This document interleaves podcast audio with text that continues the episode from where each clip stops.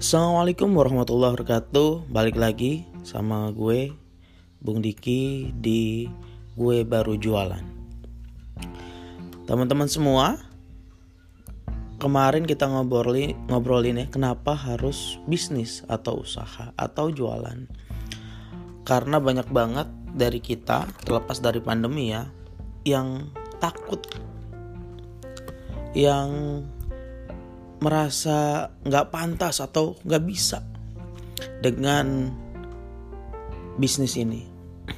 Padahal kalau misalnya bisnis ini dijalankan, teman-teman akan mendapatkan berlipat keuntungan, akan mendapatkan manfaat yang sangat banyak dan bisa memberikan manfaat juga kepada orang lain. Misalnya dengan uh, menggaji karyawan itu kan membantu orang juga bahkan sedekah karena punya uang lebih tidak hanya berlandaskan gaji atau uh, upah dari perusahaan kita. Setidaknya teman-teman ada 10 kenapa kita takut mulai jualan atau usaha. Yang pertama yaitu tidak ada keberanian ya dan takut mengambil risiko. Ketakutan paling dasar di kita itu adalah takut mengambil resiko teman-teman. Begitu juga bisnis sih. Kita udah mulai kepikiran nih ya, kalau misalnya bisnis gagal gimana, kalau rugi gimana, kalau punya utang gimana, kalau ketipu gimana, dan masalah-masalah lainnya teman-teman yang akhirnya membuat kita berpikir ulang tentang berbisnis.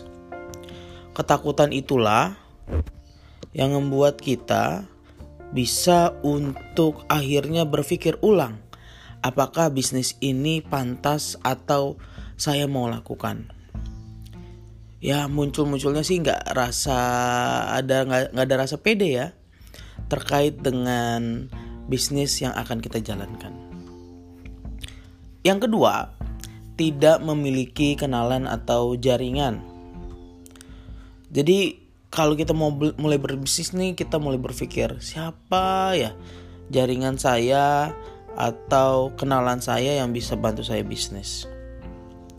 Apalagi kalau misalnya teman-teman berbisnis terkait proyek atau jasa.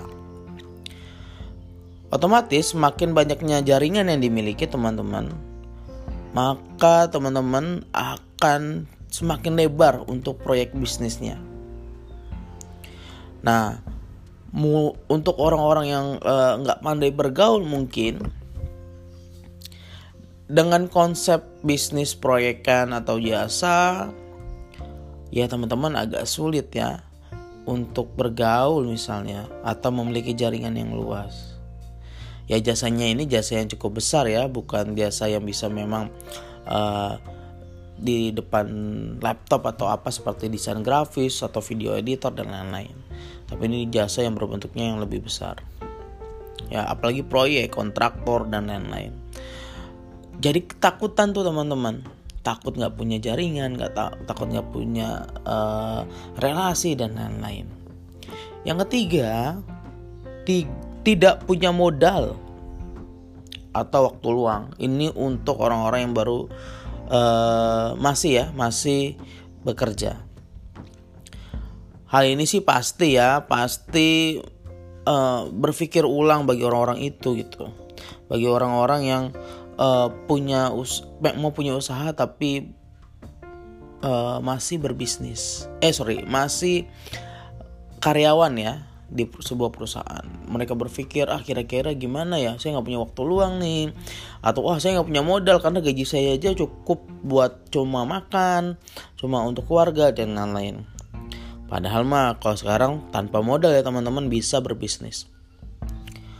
Tapi akhirnya banyak dari kita berpikirnya seperti itu.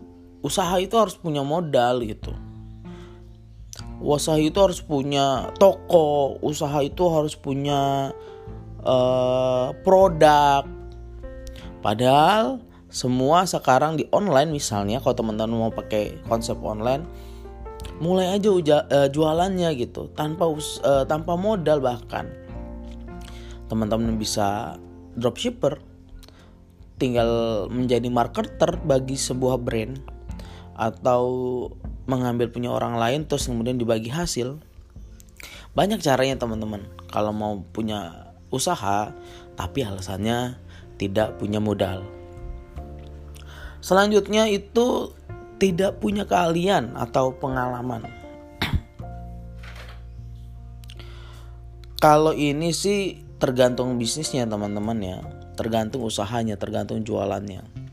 Kalau jasa ya pasti mempunyai spesialisasi. Tapi kalau retail mah tidak perlu ya teman-teman.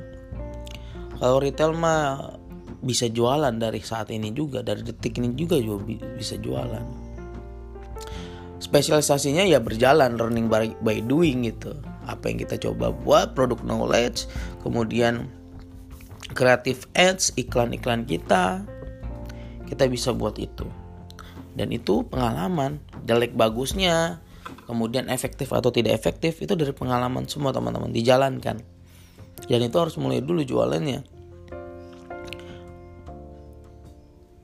kemudian ada juga yang berpikir bahwa saya harus punya spesialisasi nih kalau retail. Misalnya saya punya rumah makan padahal tidak semua rumah owner rumah makan itu safe atau rumah sakit gitu. Tidak semua yang punya rumah sakit itu harus jadi dokter atau sekolah. Tidak semua yang punya sekolah itu guru ya jadi ya mulai aja dulu gitu tidak harus dengan keahlian yang ada tetapi teman-teman harus paham dengan konsep bisnisnya kemudian selanjutnya tidak punya ide bisnis ada orang yang menyatakan bahwa ide usaha itu adalah hal yang paling penting teman-teman sebelum memulai usaha bisnis. Oh, sorry, sebelum mulai bisnis. Kita jangan sampai mulai nih ikutan bisnis karena orang terdekat kita. Oh bagus bisnisnya. Yaudahlah saya ikut nih. Misalnya ada fashion, fashion diikutin. Terus kemudian ada makanan, makanan diikutin. Tapi tidak punya landasan bisnisnya tidak punya pondasi kenapa kita harus berbisnis. Akhirnya itu yang membuat kita yang membuat semangat kita itu cepat luntur kalau misalnya ada penurunan bisnis, ada penurunan keuntungan. Intinya sih kalau bisnis ya mereka ngejar untung gitu. Atau kita yang ngejar untung gitu. Untung sebesar-besarnya dan uh, usaha sekecil-kecilnya. Padahal yang namanya bisnis enggak pasti ada roller coaster, ada naik turun, ada untung rugi, ada rasa pengalaman yang tidak dimiliki oleh orang-orang yang masih atau uh, full di karyawan. Kemudian selanjutnya ngerasa telat untuk mulai bisnis karena apa? Karena usahanya uh, usianya sudah mulai tua. Mereka berpikir bahwa umur 20 tahunan harusnya itu yang ideal untuk mulai usaha sementara umurnya sudah 40 misalnya. Ya padahal mah semua bisa teman-teman. Semua bisa untuk memulai bisnis. Mau umur 20 tahun, mau umur 30 tahun, mau umur 40 tahun, 50 tahun, 60 tahun. Bahkan umur 10 tahun itu semua bisa teman-teman semua bisa memulai bisnis, tapi kita harus coba dari sekarang. Mulai usaha, mulai jualan, nggak ada rasa terlambat di usia kita. Selanjutnya, teman-teman ngerasa mau sempurna baru mulai bisnis. Misalnya, teman-teman jualan fashion jilbab misalnya teman-teman pengen harus punya toko dulu toko untuk menaruh display kemudian teman-teman harus punya karyawan kemudian harus punya modal harus punya ini harus punya ini. Wah kebanyakan mikir. Gak usah nunggu sempurna teman-teman. Kalau mau jualan ya mulai aja. Gue mulai jualan. Soal nanti bagaimananya itu berjalan. Mau modal mau karyawan mau toko mau iklan itu berjual uh, itu mulai dulu aja itu berjalan. Selanjutnya tidak mau keluar zona nyaman. Ini yang umumnya. Karena kalau udah mulai zona nyaman wah kita udah enak banget teman-teman.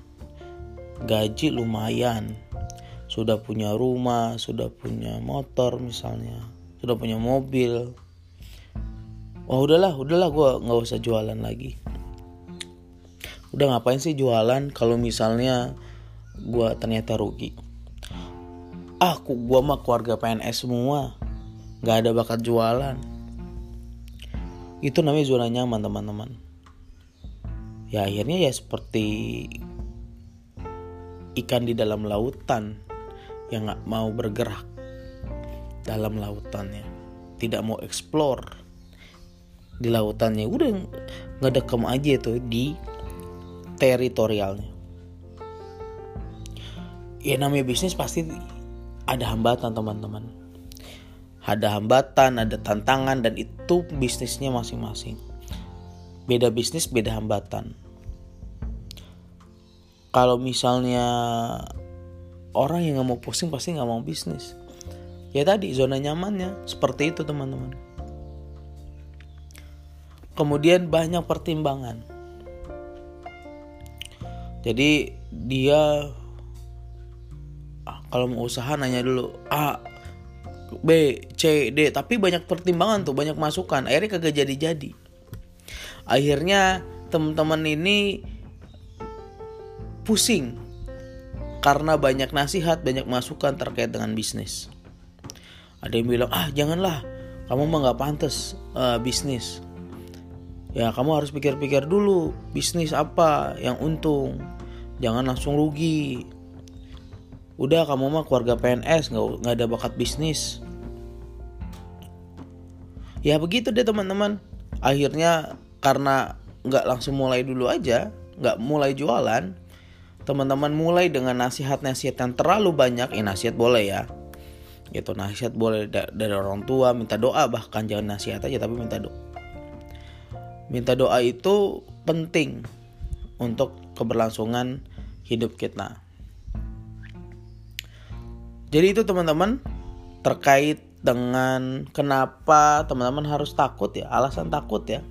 Kenapa takut memulai bisnis? mungkin bisa kita sharing bareng ya di podcast selanjutnya terkait misalnya ide bisnis atau uh, toko offline atau online dan lain-lain. Tips and trick juga bisa. Oke teman-teman, terima kasih telah mendengarkan podcast gue mulai jualan. Eh, gue baru jualan deh.